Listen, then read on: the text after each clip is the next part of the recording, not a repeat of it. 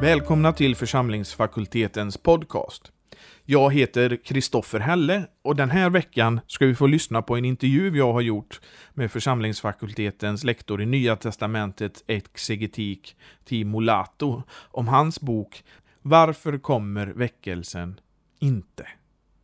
Är du intresserad av att köpa den här boken eller någon av Timos andra böcker som till exempel Romarbrevets hermeneutik eller Följ mig, pastorala perspektiv i bergspredikan så går det bra att gå in på vår hemsida www.ffg.se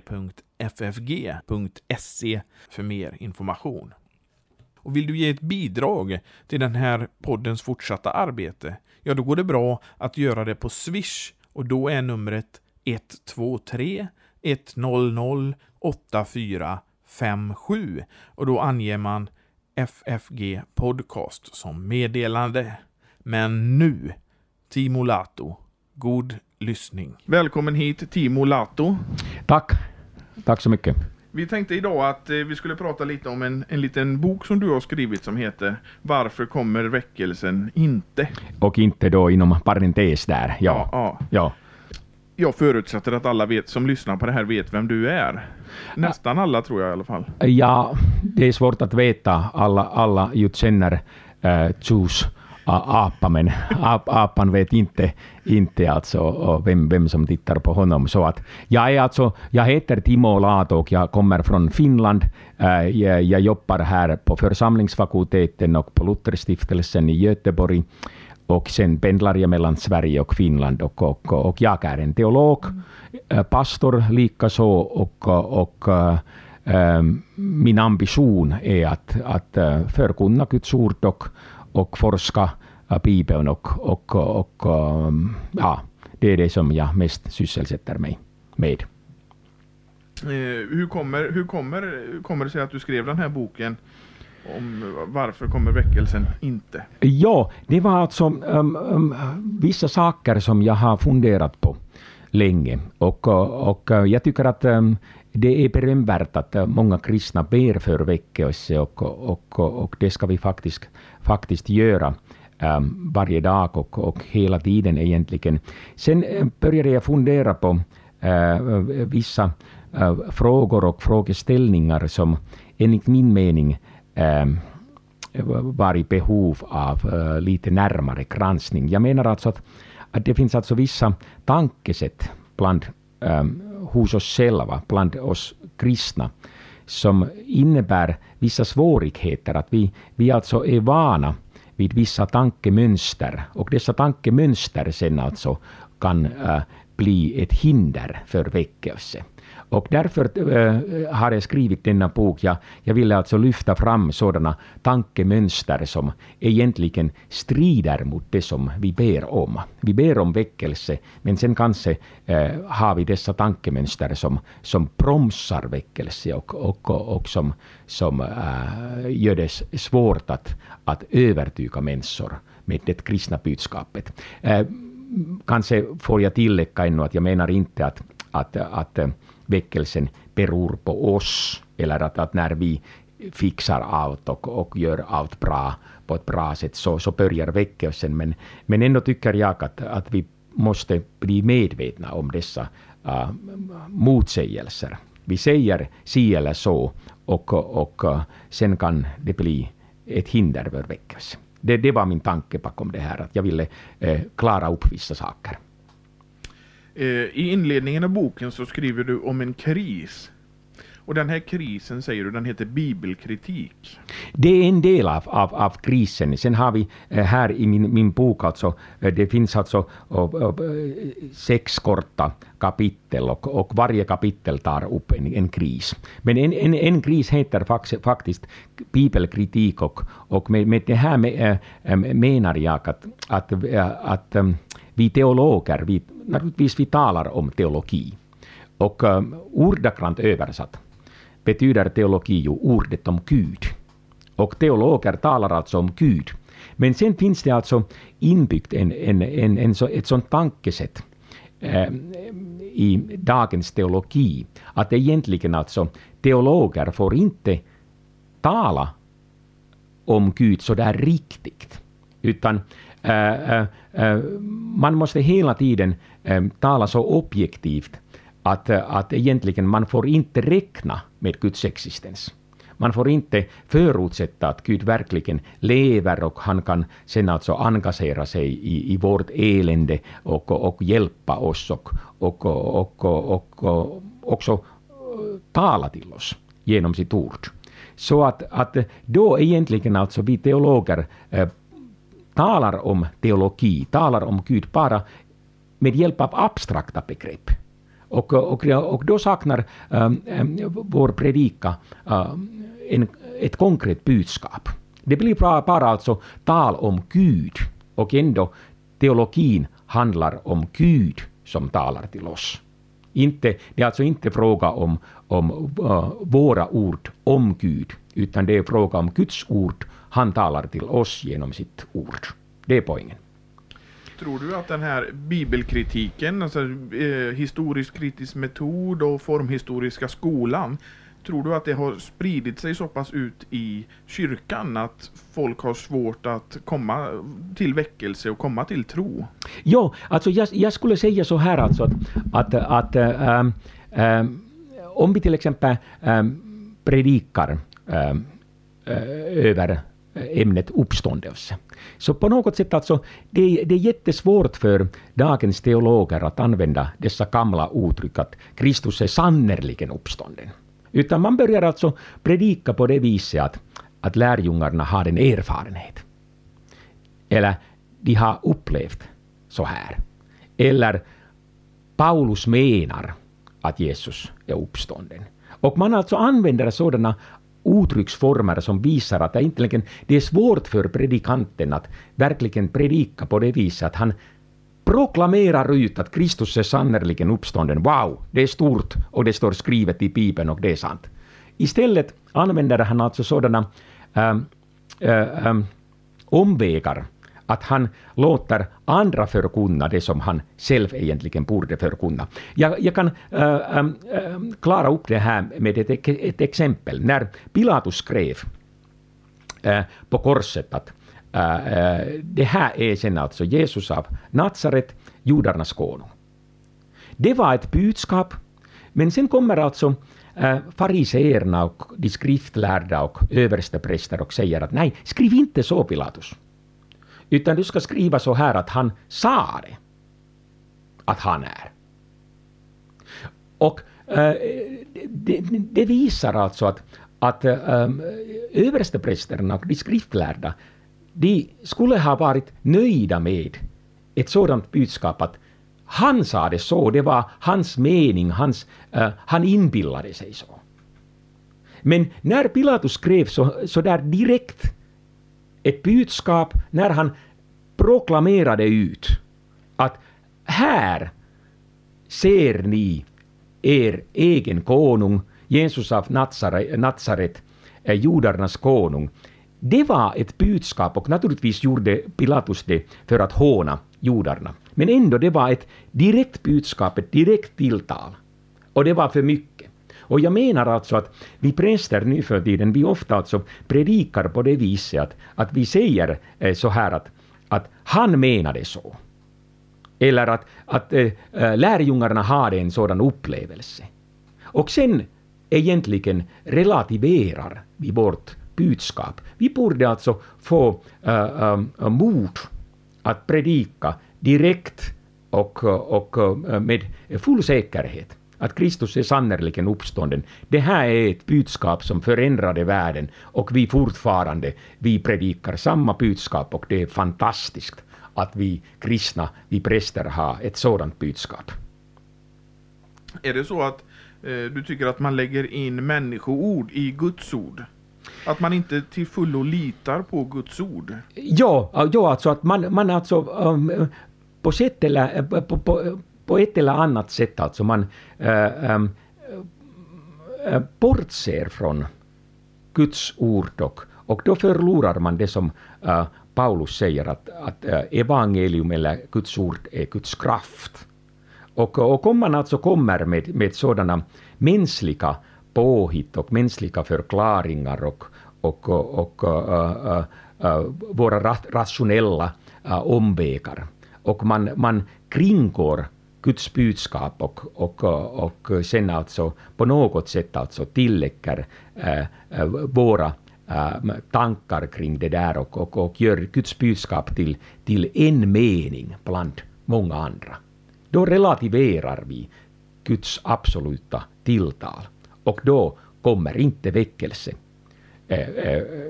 Det är bara alltså Guds ord som är Guds kraft och Guds ord som kan åstadkomma väckelse. Och därför måste vi präster och alla andra kristna lika så, vi måste vara mycket noggranna och medvetna om det, eh, vad vi förkunnar. Att vi, vi, vi verkligen ska förkunna Guds ord som Guds ord.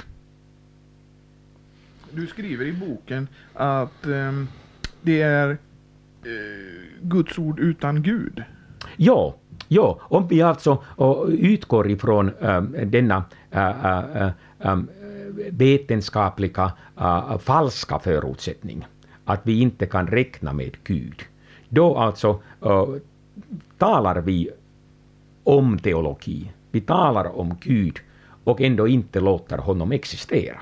Vi räknar bort äh, med, med hans, bort, hans existens och, eh, och, eh, eh, eller om han existerar så, så kan vi inte räkna med det och, och att han skulle kunna um, göra någonting för hela världen, dö för världens synder, försona våra uh, brott mot hans vilja. Det är uteslutet egentligen från första början Äh, och äh, det blir bara alltså, alltså sådana religiösa meningar och uppfattningar som, som äh, inte eh, säger någonting om verkligheten. Vi måste ha alltså, vi måste få verkligheten tillbaka till våra kyrkor. Och det, eh, det eh, går väl tillbaka till skapelsen också? Du skriver varför kristen tror på skapelsen. Jo, alltså det är också, också alltså, sen ett annat kapitel i min bok. Eh, och det, det, det, det, är sådana tankar som jag har funderat på eh, länge. Nämligen om vi försöker modernisera denna urgamla skapelsetanken och vi försöker göra det lättare för dagens människor att, att, att ta emot budskapet. Eh, så alltså kan vi börja eh, tala om Gud som den primära orsaken. Vi kan använda fina latinska uttryck, typ prima causa, eller, eller, eller sådana uttryck, eller, eller att han, han, han är alltså, alltså och, och, den princip som ligger bakom allt och, och så. Och, och då, då är vi kanske nöjda med att jaha, nu, nu har vi kunnat, kunnat alltså Äh, rädda äh, det kristna budskapet och modernisera äh, det kristna budskapet så mycket att, att det blir acceptabelt för dagens människor. Men sen å andra sidan, alltså, sen om vi ställer denna äh, enfaldiga fråga, enkla fråga, att det, det som Jesus säger alltså att ni är Guds barn, ni är den himmelske Faderns barn. Och om vi sen alltså uh, utgår ifrån att ja, men vi kan inte tala om Gud som skapare, vi kan inte tala om Gud som den himmelske fader. Han är prima causa, han är den primära orsaken, vad än det betyder. Men han, vi kan tala så här. Men då måste vi alltså ställa en, en, en äh, följdfråga. Om Gud är den primära orsaken, vem är vi då? Och då lyder egentligen alltså äh, svaret, om vi får låna äh, Jesu ord att äh, citera hans ord att vi är den primära orsakens barn. Men vad betyder det? Och att, att ha en sådan Gud, det känns inte bra. Därför att, att om jag är Guds barn, om jag är den himmelske Faderns barn, så vet jag att jag är älskad. Men jag kan inte bli älskad av den primära orsaken. Jag är alltså, alltså sen helt ensam i min lilla värld, eller i min stora värld. Ingen älskar mig, jag har ingen där bakom gränsen. Ingen som, som är här med mig hela tiden. Utan då blir alltså, alltså Gud, ja, han blir den primära orsaken, men på samma gång tappar jag själv bort min, mitt värde, min existens. Jag kan inte mer vara barnet till den primära orsaken. Och därför tror jag alltså att, att om vi moderniserar vårt tal om Gud eh, mycket och vi börjar alltså använda andra uh, um, termer, ord, vi börjar använda ett annat språkbruk uh, uh, som en, en bibel, så hamnar vi i en sån situation att vi egentligen inte moderniserar gudsbegreppet, utan vi moderniserar oss och vi moderniserar oss så mycket att sen vi börjar inte mer existera. Vi hamnar i en existenskris. Jag måste ställa mig frågan, vem är jag? Jag kan inte vara den primära orsakens barn. Men jag kan förstå om någon förkunnar mig att Gud har skapat mig. Han är min himmelske fader. Jag är hans barn genom dopet och tron och den himmelske fader har älskat mig så mycket att han har gett ut sin enfödde son för att dö för mina synders skull. Det kan jag förstå och då vet jag att jag är älskad. Och så mycket dagens människor, alltså de, de längtar efter kärlek, de längtar efter det här, denna upplevelse att jag vet att någon älskar mig. Att där ute, där ute finns någon som accepterar mig och vill, vill ha mig. Vill ha mig kär, vill ta mig i sin famn. Allt det här förlorar jag om vi moderniserar vårt språkbruk. Och, och eh, då, då, alltså, då kommer väckelsen inte. Alltså ingen vill bli en sådan kristen människa som är den primära orsakens barn.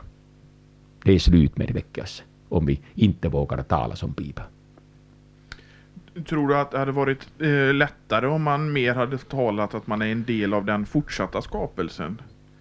Ja, det, det, det är sen alltså också, också någonting, alltså, alltså um, denna traditionella bibliska syn på, på, på den fortsatta skapelsen bety, eh, innebär just att, att, att, att, att vi kristna eh, vi bortser, bortser från en deistisk gudssyn som betyder alltså att, att man kanske medger att Gud en gång har skapat allt men sen lämnat hela världen i sticket och inte mer bryr sig om.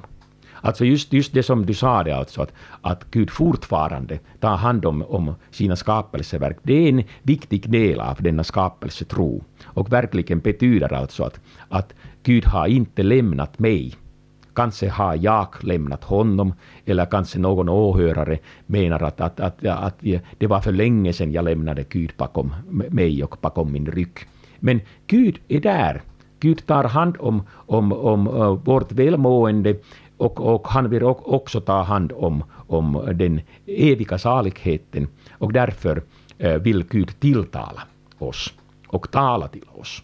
Och, och det sker genom ordet. Och, och jag skulle eh, alltså, eh, så gärna uppmana varje åhörare att för en gångs skull ta fram, slå upp sin bibel och, och läsa till exempel ett evangelium i bibeln. Och, och låta detta ord påverka. Och, och, och, och, och, och ge Gud möjligheten att tala till dig. Det skulle vara min utmaning och uppmaning till varje åhörare. I din bok så skriver du om Lilla katekesens enkla sanningar. Vilka är då Lilla katekesens enkla sanningar? Det är en bra fråga och, och, och alltså för att, eh, för att uh, kunna besvara alltså just uh, um, din enk, enkla goda fråga så, så skulle jag nästan säga att hela katekesen är, är, är en enkel bok. Uh, det är det alltså från början till slut, från perm till perm.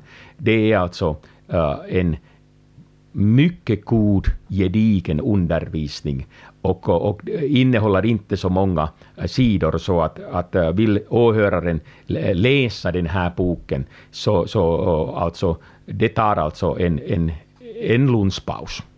så, så, så har du läst hela boken och, och, och att um, sen lyfta fram bland dessa enkla uh, um, sanningar några ännu enklare sanningar. Eh, det kan bli svårt, men, men att, alltså att um, Luthers lilla kateses det är uh, masterpiece, masterpiece of, of, of kristen litteratur och, och um, hela boken um, är, är, är gedigen läsning. Uh, vi kan säga som uh, man brukade säga uh, i, i fornkyrkan, tolle leke. Ta upp boken och, och, och läs läs. Det, det lönar sig. Och, alltså, många har ju beskrivit Lilla katekesen som en väldigt tröstefull bok. Att, man, att eh, genom den finna tro. Och, och, du säger att komma åt hjärtat i predikan. Ja. Vad, vad, eh, vad är de viktigaste punkterna i det? Hur, hur, hur eh, kommer du åt hjärtat i predikan? Det är alltså också en, en mycket eh, viktig fråga och jag har dryftat denna fråga mycket. Jag skulle alltså säga att, att ähm, ähm, ähm vi kan göra en sån självtest. Varje åhörare kan, kan tänka på det här att, att, ähm, att ähm, ähm, tycker jag att det är fel att ähm, bli fred på någon människa. Och sen kanske i värsta fall dräpa honom och hela henne. Ehm, jag tror att, att ehm, varje ehm, normal människa skulle säga att jo, det, det är helt eh, bra och, och det som Jesus säger i bergspredikan, det gäller och, och så ska det vara. Och vi är alltså eniga om det här eh, i våra tankar. Och vi kan acceptera det som Jesus säger eh, när det gäller alltså, alltså eh, när det gäller denna sanning. Och förnuft, förnuftsmässigt, rent intellektuellt, går det bra att, att instämma i det som Jesus säger. Men sen när jag möter en skurk, en kille eller, eller, eller en människa som, som uh, jag har svårt att leva med eller jag tycker att hon eller han har sårat mig ordentligt. Så vill jag ta hämnd. Så blir jag sur på honom eller henne. Och även om jag vet att det är inte bra, även om jag vet att jag kommer att lida själv av sådana negativa känslor, så kan jag inte motverka dem. Så märker jag att det som jag vet intellektuellt, mitt hjärta, inte går med på. Det som jag vet påverkar inte mitt beteende. Jag kan också veta att, att äh, droger är farliga. Men ändå kan det bli så att, att detta äh, uttalande, denna sanning, droger är farliga, uppnår inte mitt hjärta. Jag vet, jag borde inte göra så, men jag gör ändå. Och det är alltså eh, det mänskliga problemet. Vi är svaga, och inte bara svaga, utan Bibeln säger att vi är fördärvade. Vi är syndare. Och det här eh, innebär just att, att eh, vi i kyrkan, vi, vi, vi kan inte bara predika så att, att vi säger vissa intellektuella saker. Och vi, vi tycker att det är bra när människorna instämmer i det som vi säger. Det är ju bra. Det är ju oerhört bra. Det är ju första steget. Att människorna instämmer i det som vi säger. Men eh, sen alltså, vi borde predika så att folket eh, inser att eh, hjärtat, människohjärtat är fördärvat och inte går med på det som vi vet. Därför behöver vi Jesus. Jesus har kommit för att försona uh, våra synder. Det hjärta som är fördärvat Och bara Jesus kan sen förändra hjärtat så att, att uh, det hjärta som är fullt av hat, negativa känslor, bitterhet, det, det, det, det, det, sådana tankar att jag tar hämnd på honom och henne. Bara Jesus kan rena hjärtat. Och, och då börjar människorna fatta varför behöver vi evangelium? Det är inte, evangelium betyder inte att, att vara snäll mot din nästa. Utan evangelium betyder det där att Jesus har utgjutit sitt blod för att frälsa dig. Och genom hans blod får du alla dina synder förlåtna. Och när du upplever en så stor nåd, en så stor kärlek, eh, så vill du eh, eh, ge till din nästa samma kärlek. Det är det kristna livet. Tror du att till exempel en sån enkel sanning som, som Martin Luther sa som simul justus et peccator, att det betonas för lite i kyrkorna idag? Ja, simul justus et peccator, det är alltså äh, äh, äh, uh, uh, uh, ett bevis på, på, på detta kanans språk som vi brukar använda i kyrka och det är ju en, en härlig sats. Simul justus et peccator, det betyder alltså på samma gång rättfärdig och syndare. Och där ser vi just äh, äh, kärnan i det kristna budskapet. Äh, att, att vi människor, vi behöver alltså syndernas förlåtelse, inte bara en gång i livet, när vi kommer till tro. Att, att det är någonting som, som ligger bakom oss i förgången tid. Utan äh, på samma gång äh, rättfärdig och syndare. Det betyder att äh, vi får våra synder förlåtna varje dag. Vi blir alltså rättfärdiga. Uh, och det betyder att vi blir saliga, vi blir frälsta. Uh, uh, på det viset. Och sen alltså varje kristen människa vet att, att, att synden försvinner inte i vårt liv. Vi kan få kraft att övervinna syndens frestelser. Men synden kommer säkert tillbaka, försöker överta oss och, och övervinna oss uh, på många olika sätt. Vi är svaga människor eh, och eh, eh, det är vi alla. hur from en jag ser ut eller, eller hur fromma en vi, vi ser ut. Vi är svaga människor, vi hamnar i frestelser, vi faller om Gud inte hjälper. Och äh, det är, är, är, en viktig del av det kristna livet, att, att vi får sen alltså verkligen äh, varje dag sätta vår tillit till äh, Guds nåd, till hans kärlek och uh, därigenom hämta kraft att motverka syndens frestelser. Eh, så du menar också då att den här dagliga omvändelsen är en viktig sak? Alltså många kanske tänker att jag blev omvänd då för 50 år sedan och sen struntar i den dagliga omvändelsen och då vandrar man bort från både Gud och väckelsen? Ja, det kan alltså bli en, en till och med eh, faktiskt en sån situation att, att, att någon, någon äh, lever i en sådan förgången äh, omvändelse. Att det, äh, det, det hände sig ja, för 50 år sedan, som du sa det. Och, och möjligen var det alltså en, en sån där riktig gammaldags omvändelse och det var bra. Men sen alltså att om det, om det, var, om det var då för tiden, om det var en gång och sen det finns ingen fortsättning, eller, eller eh, det betyder ingenting för mig eh, idag, eh, inte mer än så, så, så har vi faktiskt alltså förlorat trons ljuvliga betydelse här och nu. Att, att Kristus vill leva med oss som han lovar varje dag ända till världens slut. Och, eh, och då, då, är jag, då är han närvarande i mitt liv, ja, här och nu. Det är viktigt.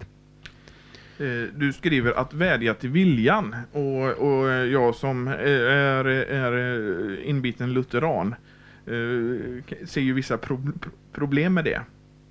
Eh, vill du utveckla det med att vädja till viljan? Ja, sen, sen alltså, alltså eh, eh, här mm, möter vi faktiskt detta problem att, att, att vi kan alltså, när vi vädjar till, till människohjärtat och människoviljan. Så att, att då, då kan det lätt bli så att, att vi tänker att okej, okay, nu, nu måste jag prestera någonting. Och, och, och, nu är det min uppgift sen att visa att jag har en god vilja och, och så.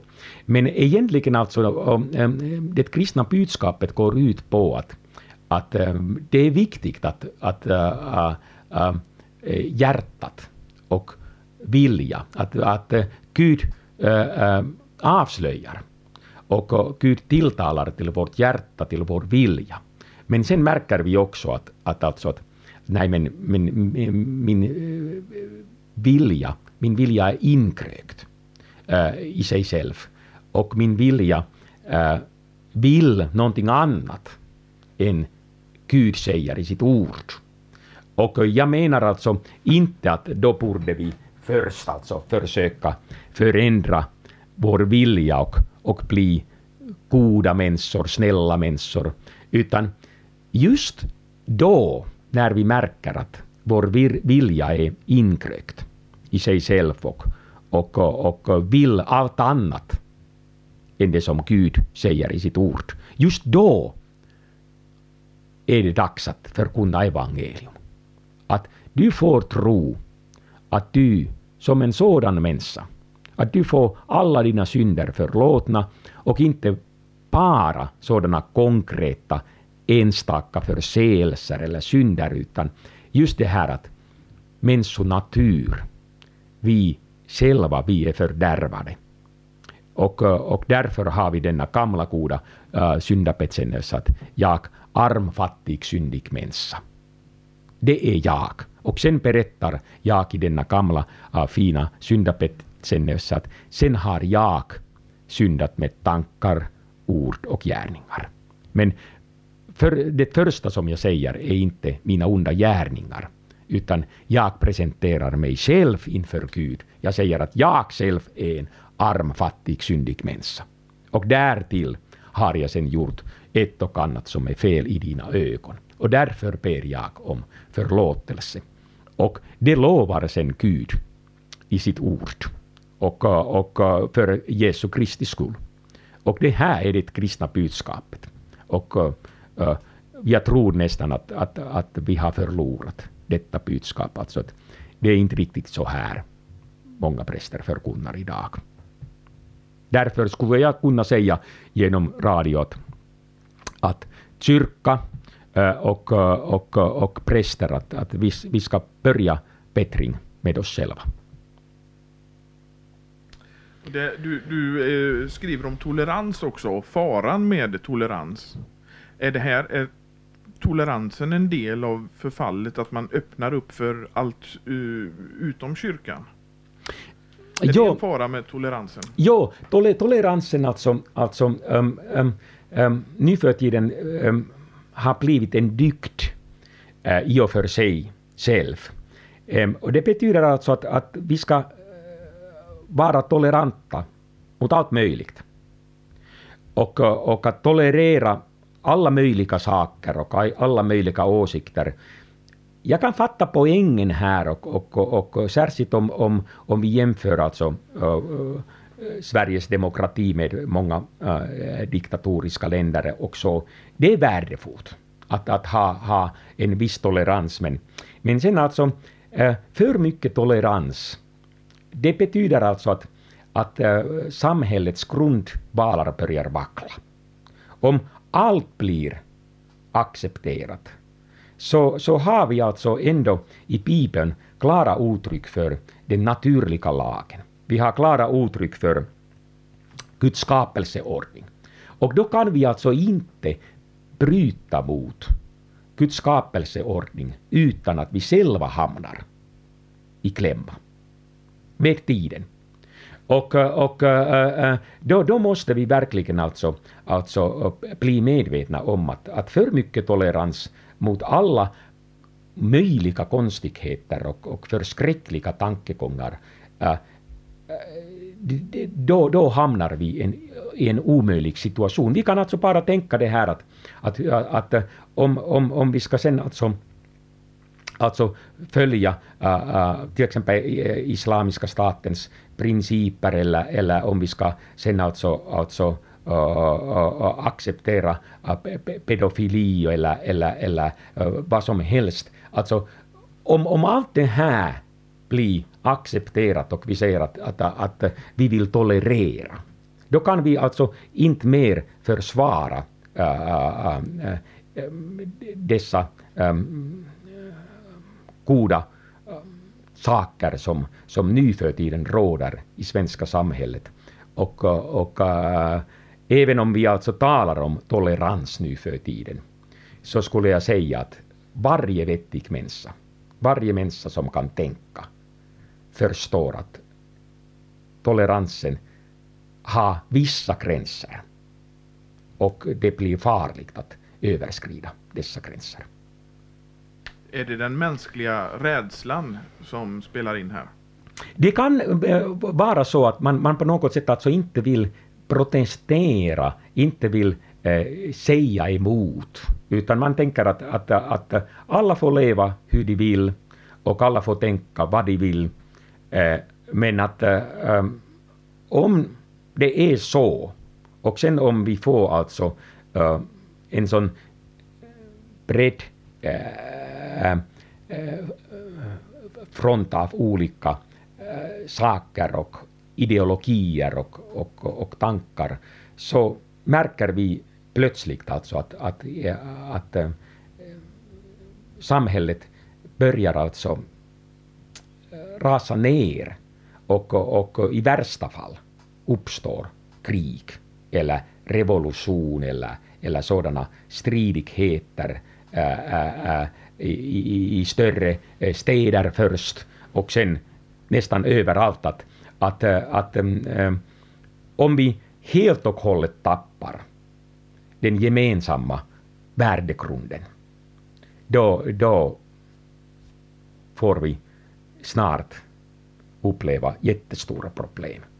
Jag vill ju inte alltså, alltså vara en sådan, um, sådan människa som bara förskrämmer folket. Eh, Låt det vara fjärran från mig. Men, men att eh, ändå tror jag att eh, den som tänker, han kan förstå det som jag säger och, och, och du får gärna ha en annan åsikt i många avseenden men, men att ändå tror jag att, att själva grundinställningen här är klar och tydlig och, och varje vettig människa förstår att, att uh, det finns vissa gränser alltid. Det, det, det kan aldrig finnas en, ett, ett sånt liv som saknar alla gränser. Uh, tror du att tolerans och rädsla är ett hinder för väckelse? Det kan bli, just därför alltså att, att, att om man alltså tolererar allt möjligt så, så, så vågar man alltså inte utmana folket. Då vågar, vågar man alltså inte eh, eh, eh, komma med sitt eget budskap. Och i detta fall alltså, jag talar om Bibelns budskap. Då vågar man alltså inte proklamera ut det utan man, man tycker att nej men, men, men han tänker så och, och, och, och inte kan jag äh, säga till honom att jag tänker på ett annat sätt. Varför inte? Det är ju intressant att möta människor som tänker annorlunda och, och jag tycker att det är jättekul att ha diskussioner med, med, med eh, olika slags människor och, och muslimer och, och, och, och, och, och, och de som tänker annorlunda än jag. Då får jag alltså lära mig många goda saker och sen vet jag också att jag har någonting att säga och, och jag har uh, ett gott budskap från Gud direkt.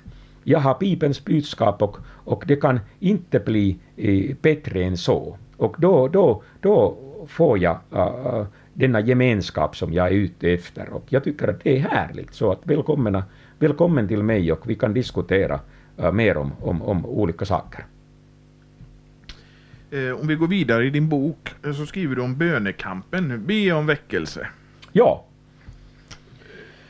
Hur ska man be om en rätt väckelse? Det, det är just det här att jag, jag hoppas att, att, att vi skulle kunna be så att eh, det inte blir tomma ord. Eller sådana ord som sen eh, strider mot det som vi säger eh, i predikstolen. Eller det som vi säger när vi möter andra människor. Jag menar alltså att, att om vi ber för väckelse så måste vi, vi egentligen alltså, därefter är det vår plikt att sen också äh, äh, tänka efter och, och, och, och äh, också ha en sådan, göra en sådan kritisk analys av det som jag predikar, det som jag säger till, till mina medmänniskor, hur jag beter mig, har jag en, en, en äkta kärlek mot mina människor. Eh, alltså, eh, annars ber vi någonting och sen vårt liv säger någonting annat.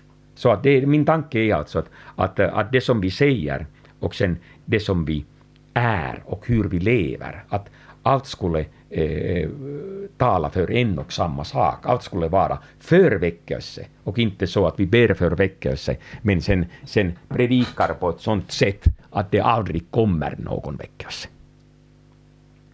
Eh, bönekampen i och om oss själva. Eh, det är skäl att minnas att den egentliga striden sker i och om oss själva, skriver du. Ja. Vad menar du med det? Ja, det, det är det här alltså att, att, att um, um, um, det är ju faran alltså att, att, att um, någon kan säga att uh, läkare, bota dig själv först. Alltså, alltså uh, uh, om, om det blir så, så, så har vi misslyckats, äh, äh, ähm, om det är sant. Att, äh, att, äh, att vi, vi, vi äh, försöker äh, äh, göra någonting men sen, sen alltså, alltså vårt eget liv strider mot det. Så att bönekampen om oss själva, det är det som är första saken, alltså att, att vill och kan Gud påverka mig själv, tillåter jag det. Äh, och, och det är en, en sak som är ytterst viktig i all kyrklig gemenskap. Finns det en rätt och en fel väckelse? Ja, ähm, jag, jag, tror alltså att, att i och för sig väckelse Eh, som begrepp, det är alltid en, en eh, god sak. Men sen alltså i dagens eh, samhälle och, och alltid också i kyrkohistorien vet vi att, att, att egentligen sen måste vi också definiera närmare begreppet väckelse. Eh, därför att, att det finns människor som menar att, att nu har vi väckelse här eller där. Och vi vill ha just en sådan väckelse och inte en sådan där väckelse. Eh, så att, att eh, då blir det alltså, alltså uh, um, nödvändigt att börja fundera på saken och, och, och formulera närmare vad är en riktig väckelse och, och en eh, felaktig väckelse. Eh, alltså ett annat exempel i Bibeln talar vi om tro. Och tro är tro, det är det, det att vi sätter vår tillit till evangelium. Och that's it. Det, det är just det som Gud vill äh, skänka oss alla. Men sen i praktiken har det blivit nödvändigt att tala om en levande tro och om en död tro. I och för sig, alltså om vi talar om tro som Gud sänker oss, det är alltid levande och det är alltid, kan aldrig vara död. Men i, i, i Bibeln eh, själv har vi redan denna distinktion, att, att det blir nödvändigt att tala om en levande tro och, och, och om en död tro, därför att människorna försöker sen bara efterapa trons mönster eller, eller, eller trons människor eller, eller, eller eh, trons tankesätt. Och det finns inget verkligt där bakom. Därför har det blivit alltså nödvändigt också att tala om, om en riktig väckelse och också om en felaktig väckelse. Eh, innan vi avslutar så har du någonting mer som du vill tillägga eller någonting som du är aktuell med eller någonting som du vill Ja, alltså, alltså nu har vi talat länge och egentligen alltså det, det, det, eh, det hänger inte så mycket med det som, som jag säger eller pratar. Eh, eh, eh, det, det är alltså sekundärt i alla avseenden. Det viktigaste är, är att Gud får tala till oss och, och, och jag skulle också säga att, att det viktigaste är att Gud åstadkommer väckelse. Det kommer inte genom mina ord eller, eller, eller äh, genom dessa intervjuer som sådana. Därför tror jag att det vore bra om, om jag får be här. Eh, en kort bön så att, att vi får sen alltså, alltså eh, be Gud om hjälp. Eh, han kan sen tala till oss. Hans ord gäller och, och, och har någon betydelse och har all betydelse. Så att, att det är kanske det som jag skulle säga till sist att, att mina ord är inte så viktiga, men Guds ord, det är hela livet och därför får vi i, i all korthet stilla oss i bön. Käre himmelske Fader, tack för denna intervju och tack att du är verkligen en, den levande Gud som älskar oss och vi får genom dop och eh, tro, genom en levande tro, vara dina barn.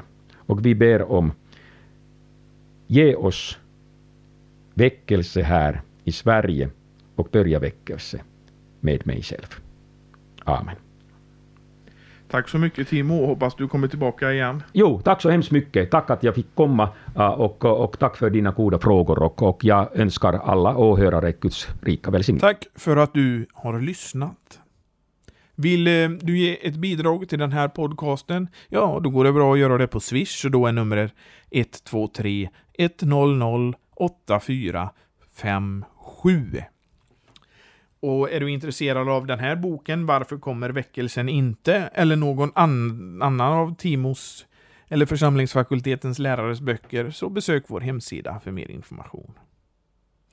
Kanske tillhör du de som har fått besked om utbildning för hösten och inte är riktigt nöjd med beskedet. Eller inte vet vad du ska göra till hösten.